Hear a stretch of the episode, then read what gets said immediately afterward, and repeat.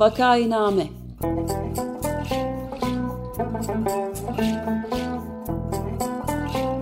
Salgın günlerinde memleket manzaraları. Hazırlayan ve sunanlar Güven Güzeldere ve Ömer Madra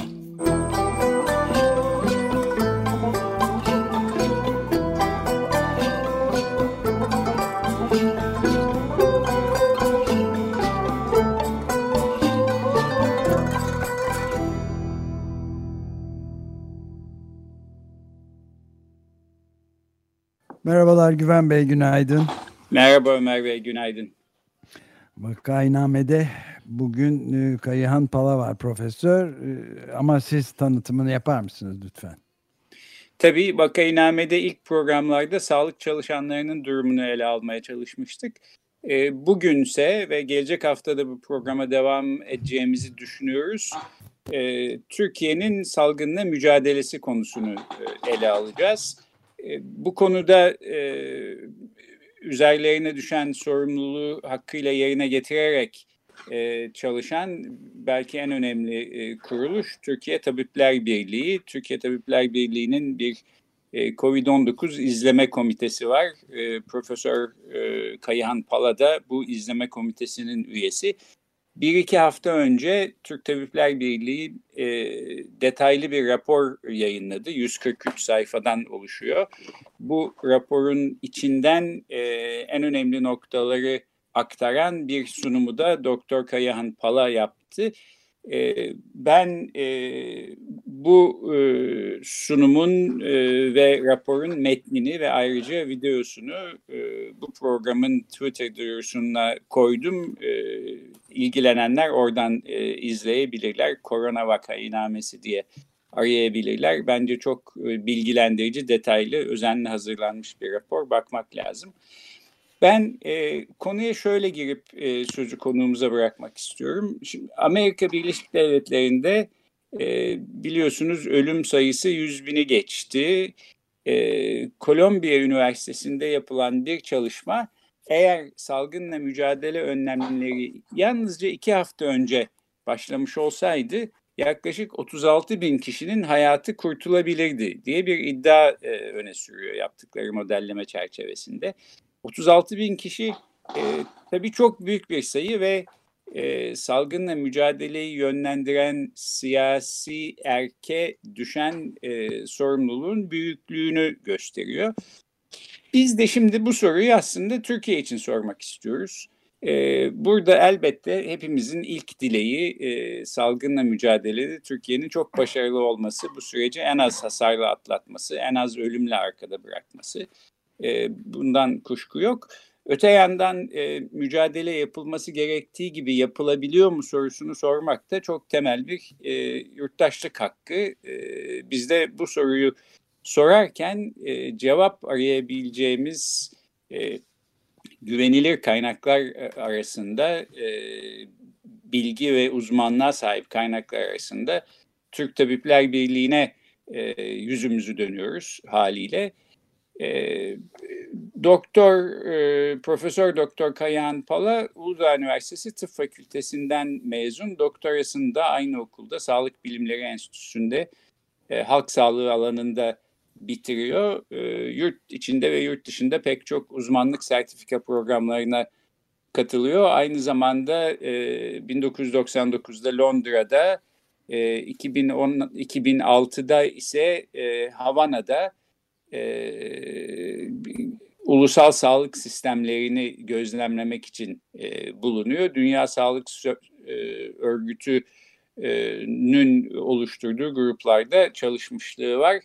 Aynı zamanda e, şehir hastaneleri Türkiye'de sağlıkta kamu özel ortaklığı e, diye bir e, derlediği de kitap e, var iletişim yayınlarından çıkmış olan. E, Kayan Bey şuradan e, ben başlayalım istiyorum. Türkiye'nin sağlıkta e, salgınla mücadelede ne kadar başarılı olduğunu düşünürken şöyle iki kutup arasında bazen kendimi düşünürken buluyorum. Bir yanda e, daha kötü olabilir miydi diye düşünmek mümkün. Bu belki iyimser bakış. Evet olabilirdi. Hatta çok daha kötü olabilirdi. Dolayısıyla e, salgınla mücadelede başarılı bir taraf var diye düşünmek e, mümkün. Fakat tabii yani genel bir metafizik ilke olarak, bunu da bir felsefeci olarak ekleyeyim. Her zaman her şey daha kötü olabilir. E, bunu karamsarlık açısından söylemiyorum. Tam tersi işte artık dibe vurduk daha kötü olmaz kolaycılığı ve tembelliğine kapılmamamız gerektiğinin altını çizmek için söylüyorum.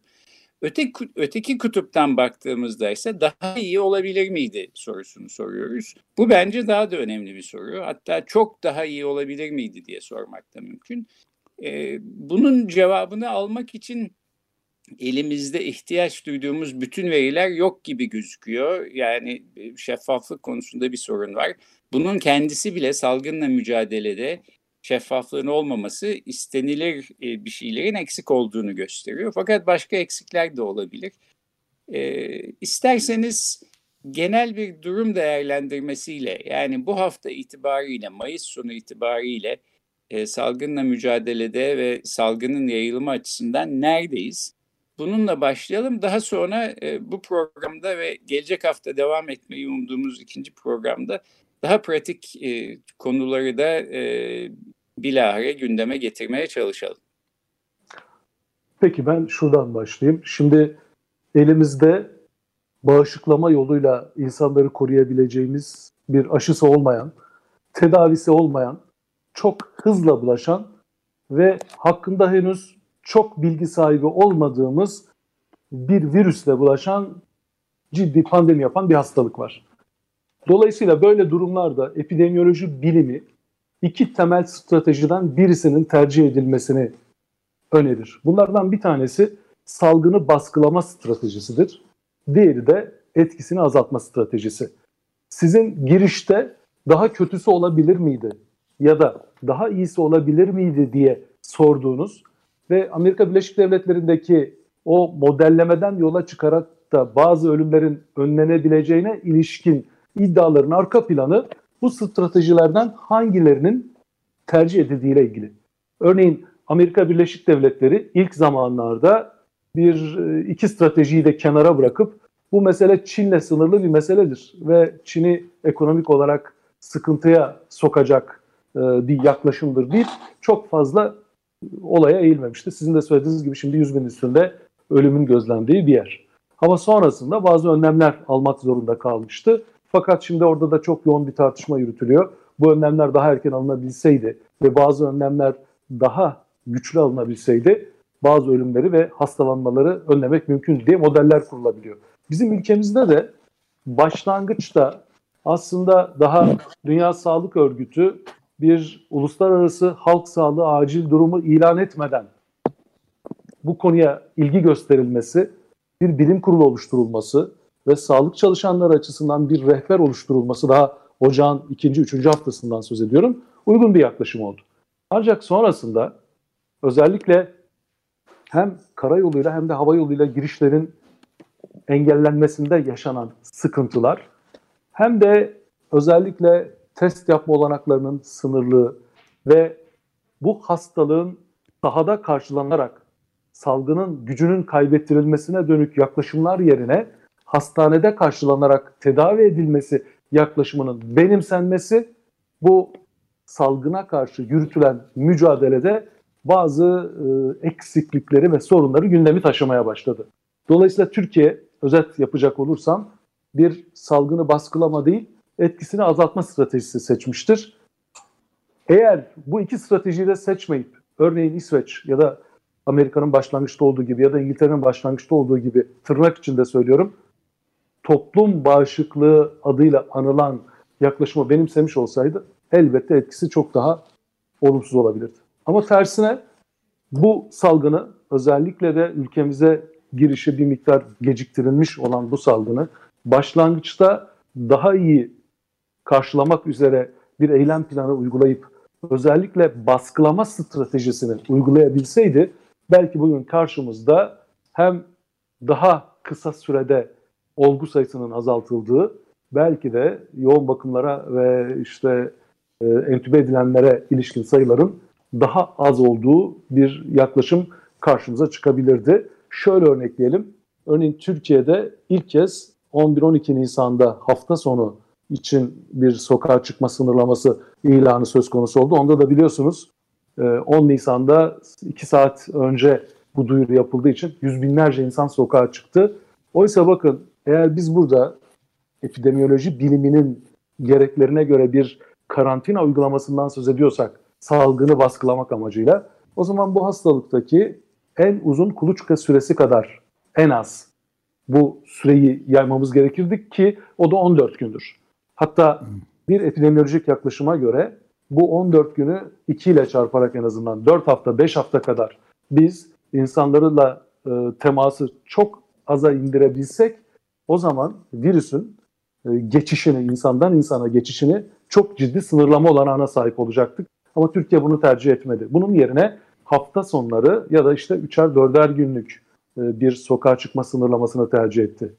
Ayrıca en baştan örneğin çalışanlarla ilgili tercihlerinde de problem ortaya çıktı. Kamu çalışanları ile ilgili bu tercihler ağırlıklı olarak e, bir toplumsal hareketliğin azaltılmasına dönüktü ama özel sektöre ilişkin böyle bir yaklaşım olmadı ki çok sınırlı veriler olmasına rağmen ülkemizde iki önemli veri durumu çok e, açık bir şekilde ortaya koyuyor. Bir tanesi diskin kendi üyeleri için açıkladığı toplumdan 3 kat fazla olgu sayısının görülmüş olması. İkincisi de iş cinayetleri raporu. Bakın şöyle bir şey düşünün. Bu pandemi sırasında trafik kazalarında ve trafik kazalarına bağlı ölümlerde ciddi bir azalma görüldüğünü Emniyet Genel Müdürlüğü'nün raporlarından görüyoruz. Ama iş cinayetleri söz konusu olduğunda örneğin bu yılın Nisan ayıyla geçen yılın Nisan ayı karşılaştırıldığında bırakın azalmayı artış görülüyor ve bu artışın da önemli bir bölümü yarısından daha fazlası COVID-19'a bağlı ölümler. Dolayısıyla emekçi sınıfların daha fazla bedel ödediği, ödemek zorunda kaldığı e, bir yaklaşım karşımızda duruyor ki bu da biliyorsunuz Türkiye'de e, bir sınıf bağışıklığı mı tercih ediliyor tartışmalarını gündemimize taşımış görünüyor.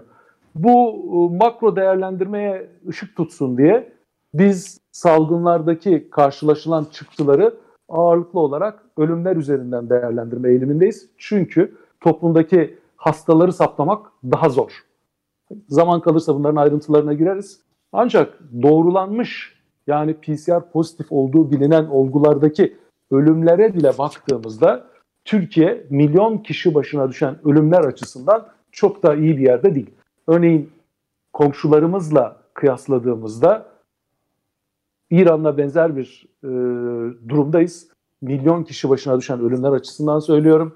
Özellikle ilk 30-40 gün tam bir benzerlik vardı. Son zamanlarda bizde daha az ölüm gözlenmeye başlandı.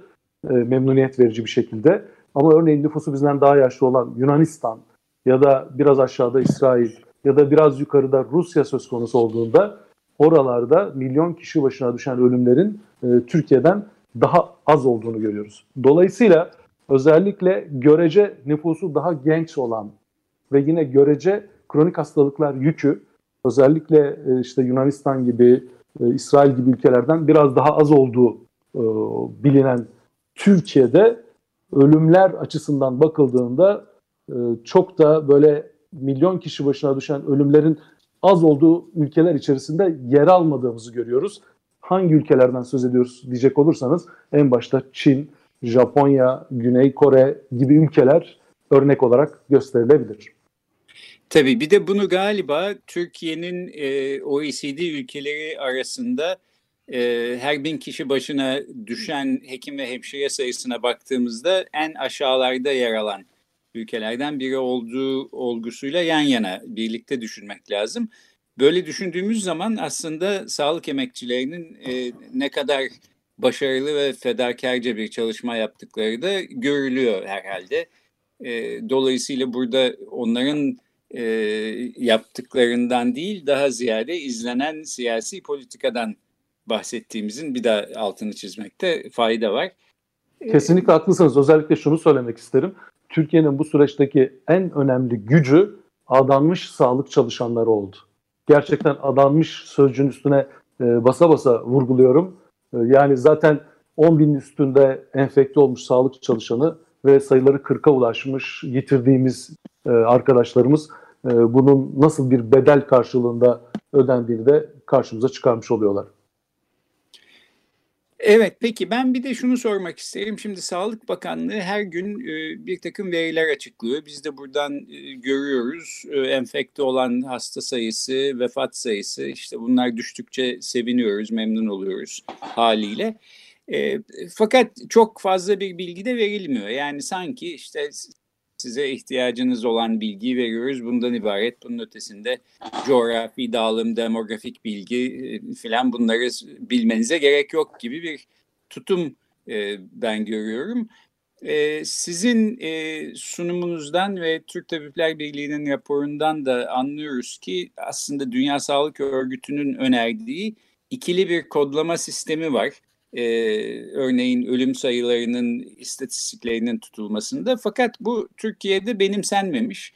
Biraz bundan bahsedebilir miyiz? Nedir bu kodlama sistemi? Niye faydalı ve e, Türkiye niye buna e, karşı çıkıyor? Şimdi e, şunu belirterek başlayalım. Bu hastalık sırasında kullanılan tanı testi hastaların tamamını e, doğrulamak açısından yeterli bir test değil. PCR diye bilinen test bazı ülkelerde %60-70 civarında yalnızca doğru yanıt veriyor. Bazı yerlerde ve Türkiye'de bunun daha düşük olduğuna ilişkin gözlemlerimiz var. Aslında Sağlık Bakanlığı da bunun farkında. Hazırladığı rehberde bir ya da daha fazla kez PCR sonucunun negatif gelmesinin hastalığı dışlayamayacağını söylüyor. Ama buna rağmen bunu söyleyen Sağlık Bakanlığı yalnızca olgu ve ölümlerde PCR pozitif olanları kabul ediyor. Elimizde bazı hastaneler üzerinde şöyle veriler var. 100 tane hasta yatırmışız. Bunlarda doktorlar COVID-19 düşünmüş. Bu 100 hastanın kabaca 90'ında aynı zamanda tomografi bulguları da COVID-19 hastalığını destekliyor. Ama PCR pozitiflik oranları %40'lar civarında. Şimdi o 100 hasta içerisinde yalnızca 40'ı Türkiye'de verilere hasta olarak giriyor. Yalnızca o 40'ın içinden hayatını kaybedenler doğrulanmış ölüm olarak karşımıza çıkıyor. Dünya Sağlık Örgütü bu sürecin böyle e, sıkıntılı olduğunu bildiği için 25 Mart'ta bir e, yazı yayınladı ve bütün ülkelere ikili bir kod sistemi kullanmasını önerdi. İkili kod sisteminden kasıt U07.1 diye bilinen bir kodla bu laboratuvar olarak doğrulanmış olguların ve ölümlerin bildirilmesiydi. U07.2 diye bilinen kodla da klinik olarak, epidemiolojik olarak şüpheli ya da olası olguların bildirilmesine özgüydü. Bunun da amacı şuydu. Hem hastalananlar hem de ölenler açısından bu hastalığın yükünü daha doğru ortaya koyabilmek. Hatta e, sizler de biliyorsunuzdur. Bir de bunun dışında da bu hastalık nedeniyle ortaya çıkan fazla ölümler, aşırı ölümlerin de gündeme alınması söz konusu oldu. Ne gibi? Örneğin bu hastalık var diye hastanelere gidemeyip sağlık hizmetine erişemediği için hayatını kaybedenler ya da bazı ülkelerde ve yerlerde o sağlık hizmetine erişebilse bile herhangi bir e, bulgu sorgulaması ya da bir PCR testi yapılamadan hayatını kaybedenler gibi. İşte New York'ta söz konusu olacak olursa bunlara ilişkin bütün ayrıntılı veriler elimizin altında var. Ama Türkiye'ye dair doğrulanmış olgular ve ölümler dışında hiçbir şey elimizde yok maalesef e, bırakın toplam olarak doğrulanmış olgular ve ölümler dışındaki olguların açıklanmasını sizin de az önce söylediğiniz gibi Türkiye'de ne bölgelere göre ne illere göre bir olgu ve ölüm sayısı açıklanıyor ne de risk gruplarına göre. Örneğin 65 yaş üstü yurttaşlarımızın uzun süredir evlerde kalmasına yol açan düzenlemenin nasıl bir etkisi olduğuna dair hiçbir fikrimiz yok. Çünkü bunları değerlendirebilecek veriler ve epidemiolojik göstergeler topluma açıklanmıyor. Açıkçası biz bunu epeydir dile getiriyoruz. Nisan'ın ilk haftasından bu yana bir buçuk ay geçti. Bazı uluslararası etkinliklerde de bunları dile getirdik. Sağlık Bakanlığı'na Türk Tabipleri Birliği olarak resmi yazılar yazdık. Raporlarımızda söyledik. Çıktığımız her programda neredeyse dile getiriyoruz. Fakat bugüne kadar bundan e, bir yanıt alabilmiş değiliz. Ama şöyle dramatik şeyler öğrendik. Türkiye'de bilim kurulu üyelerinin de bizim görüşebildiklerimiz en azından büyük çoğunluğu bu verilere erişebilir durumda değiller. Tabii o zaman şöyle bir tartışma çok daha önem kazanıyor. Bilim kurulu üyelerinin bile verilere erişemediği ortamlarda neye dayanarak bazı kararlar alınıyor? Bunu da ayrıca tartışmak gerektiği kanısındayız. Evet yani burada en büyük sorun da Kayan Bey şey oluyor herhalde yani şeffaflık bilgiye erişim olmadığı zaman büyük bir belirsizlik bu belirsizliğin de yaratacağı başta yani sadece fiziki rahatsızlıklar hastalıklar değil aynı zamanda e, psikolojik psiko e, bayağı ciddi psikik şeyler de olabileceğini söyleyebiliriz herhalde değil mi? Kesinlikle söyleyebiliriz. Bir de şunu ekleyelim e, Ömer Bey. Şunu bir yandan Sağlık Bakanlığı hiçbir veriyi açıklamıyor desem yeridir. Az önceki söylediğim dağılımlar bağlamında. Yani günlük ve toplam ölüm ve olgu sayıları dışında bir veri bilmiyoruz. Mesela test sayısını biliyoruz ama testin kaç kişiye yapıldığını bile bilmiyoruz.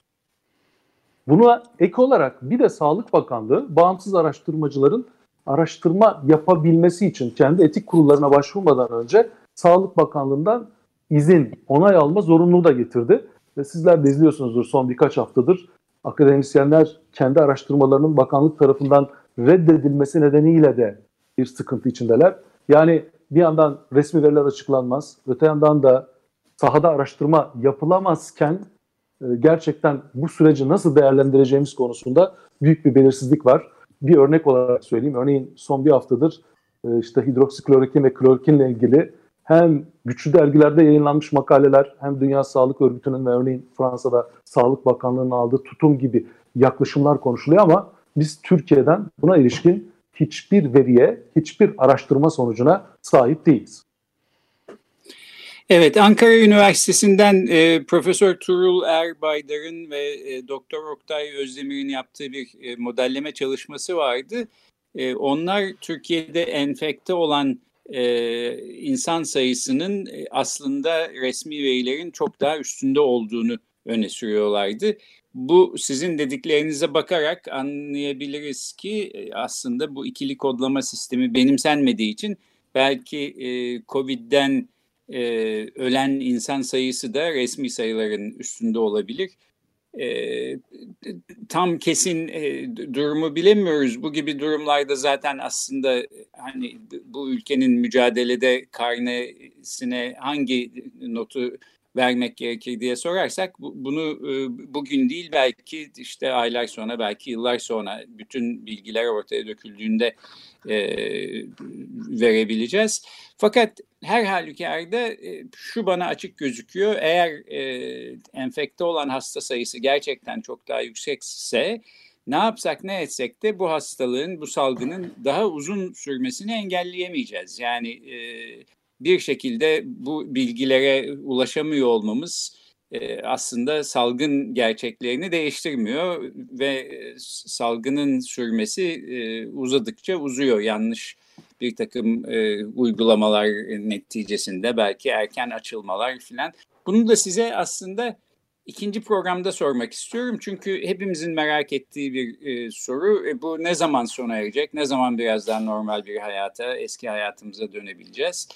E, bunu ikinci programa e, bırakalım. Bu programın e, kapanış kısmı için belki ben bu R, e, R katsayısı meselesini sormak isterim. Bu da şeffaflıkla ilgili bir e, e, soru olarak karşımıza çıkıyor. E, R sayısı nedir? Bunu bilmek niçin önemlidir ve bunun hesabı nasıl e, yapılır? Bunu da soruyorum çünkü bu sayının ne olduğu da biraz karışık. Sağlık Bakanı birkaç farklı e, cevap verdi. E, niye o, önemli olduğunu fakat burada herhalde konuşmakta fayda olur. Şimdi R diye bilinen e, simge ile anlatılan değer temel üreme sayısı. Temel üreme sayısı R0 diye adlandırıldığı zaman daha hastalığın başlangıcında duyarlı olan nüfus üzerinden yapılan bir hesaplamadır ve hastalığı almış olan bir hasta kişinin ikincil olarak ortalama kaç kişiye hastalığı bulaştırdığını gösterir. Yani örneğin elimizde 100 kişi var. Bu hastalığın bulaşma süresi içerisinde bu 100 kişi eğer 200 kişiye bulaştırıyorsa ortalama olarak ikincil olarak o zaman bu R0 değeri 2 olarak belirlenir. Ancak R0 değeri hastalığın salgının başlangıcında toplumdaki duyarlılık yüksekken hesaplanmış. Daha sonra bu R değeri e, R efektif ya da R zamana bağlı e, üreme sayısı diye RT ya da RE ile e, simgelenen bir biçimde karşımıza çıkar. Yani zaman içerisindeki değişimine göre üreme sayısı hesaplanır. Şimdi Türkiye'de iki defa Sayın Bakan tarafından birincisinde 1.56, ikincisinde de 0.72 diye dillendirilmiş bir R kavramı var. Yayınlanmış hiçbir resmi rapor yok. Dolayısıyla bunların nasıl hesaplandığı ve gerçekten R0 mı yoksa RT ya da RE mi olduğuna ilişkin elimizde bir bilgi yok. Ancak e, değişik meslektaşlarımızın kurduğu modeller üzerinden yaptığımız değerlendirmede Türkiye'de özellikle işte 2-3 hafta kadardır R değerinin birin altına inmiş olabileceğini varsayıyoruz. Varsayıyoruz diyorum. Çünkü R değerini doğru düzgün hesaplayabilmek için özellikle filyasyondan elde edeceğimiz veriler çok değerli. Yani elimizde diyelim ki PCR pozitif hastalar var. Bu hastalarla yaptığımız görüşmelerde onların temaslıları var. O temaslılarla yaptığımız görüşmelerde onlara da test yaparak kimin hasta olduğunu bulabilirsek o zaman o toplam içerisinde elimizdeki hasta sayısının hastalığın bulaştırılma süresi içerisinde kaç kişiye bulaştırmış olacağını bileceğimiz için gerçek değeri hesaplama olanağımız olur. Onun dışında şu anda benim bildiğim 7-8 tane ayrı kurum ve kişi tarafından hesaplanan R değerleri yine içerisine konulan bazı rakamlara ilişkin tahminlerle yapılan R değerleridir. Bu yüzden bazı sınırlıkları var. Bizim için niye önemli temel bulaş sayısı? Çünkü hastalık sırasında iki tane bize çok net yanıt verir. Bir, bu salgın eğrisi ne duruma gidiyor? İki, aldığınız önlemlerin etkisi ne olmuş? Dolayısıyla o yüzden bunların üstelik de Türkiye'yi tek başına gösteren rakamlar olarak değil, illeri hatta mümkünse nüfusun fazla yaşadığı yerlerde ilçeleri de gösterecek şekilde ve yine mümkünse örneğin haftalık olarak hesaplanarak topluma anlatılabilirse o zaman biz ne durumda olduğumuzu kolaylıkla anlayabiliriz. Onun dışında bir şey söylememiz e, hesaplamadaki sınırlıklar yüzünden yine sınırlı kalacaktır. Gene belirsizlik var. Ben ufacık bir şey ek, e, sormak istiyorum ek olarak. Yani Sağlık Bakanı e, bir e, yanılmıyorsam 13 Mayıs tarihinde e, 1.56 olarak verdi bu R0 değerini ve bir hafta sonra da 0.72 olduğunu açıkladı. Bu bir hafta içinde bu kadar büyük bir farklılık yani neredeyse yarı yarıya olabiliyor mu? Nasıl izah edilebiliyor bu farklılık? Çok teşekkür ediyorum bu soru için. Öncelikle şunu söyleyelim. Bakın Sağlık Bakanı'nın 1.56 diye açıkladığı basın toplantısında aynı zamanda salgın kontrol altında dedi. Hatırlar mısınız? Evet. Şimdi epidemiyolojik olarak bir salgının, bulaşıcı hastalığın kontrol altına alınabilmesi için eğer R değerini kullanacaksak bunun mutlaka birin altında olması gerekiyor. Birin, evet. R birin üstündeyken salgın kontrol altına alınamaz. Yani şöyle düşünün 100 kişi bulaştırıcılık süresi içerisinde 156 kişiye bulaştırıyor. Dolayısıyla o 100 kişi iyileştiğinde elinizde 156 kişi var. Yani daha fazla sayıda insan. Ne zaman ki siz 100 kişi 99 kişiye veya daha aşağıya bulaştırmaya başlarsa elinizdeki 100 kişi iyileştikten sonra daha az sayıda hasta olacağı için salgın kontrol altına alınmaya başlanır denebilir. Dolayısıyla orada bir sıkıntı var. İkincisi bir haftada 1.56'dan 0.72'ye düşmüş olma ihtimali bizim açımızdan düşük bir ihtimaldir. Bu kadar yani bir hafta önce 100 kişi 156 kişiyi bulaştırırken bir hafta sonra 100 kişinin 72 kişiyi bulaştırma ihtimali açık söyleyelim biz çok düşük görüyoruz. Dolayısıyla bunların nasıl hesaplandığına ilişkin veriler şeffaf olarak ortaya konabilirse daha net açıklamalar yapmak mümkün olacaktır. Evet. Evet, peki elimizdeki kısıtlı bilgilerle e, akıl yürütmeye çalışıyoruz. Türk Tabipleri Birliği bu konuda önemli öncü bir e, görev e, üstlenmiş durumda. E, buradan devam ederek gelecek hafta da e, önümüzdeki bir hafta içinde olan biten şeyleri de göz önüne alarak e, bu tartışmayı sürdüreceğiz. Konuğumuz ee, Uludağ Üniversitesi'nden halk sağlığı uzmanı Profesör Kayhan e, Palay'dı. Kendisi Türk Tabipler Birliği'nin COVID-19 izleme komitesinde de aynı zamanda görev yapıyor. Çok teşekkür ederiz Kayhan Bey.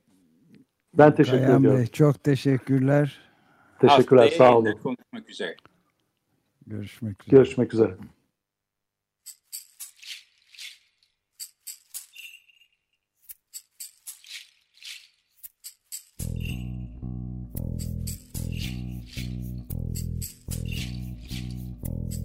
Vakainame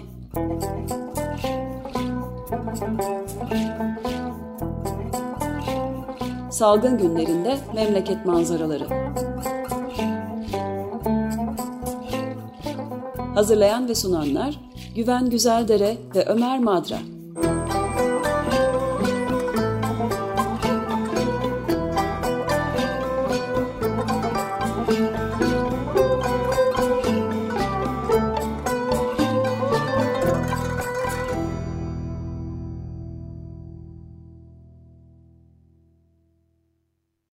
Açık Radyo program destekçisi olun. Bir veya daha fazla programa destek olmak için 212 alan koduyla 343 41 41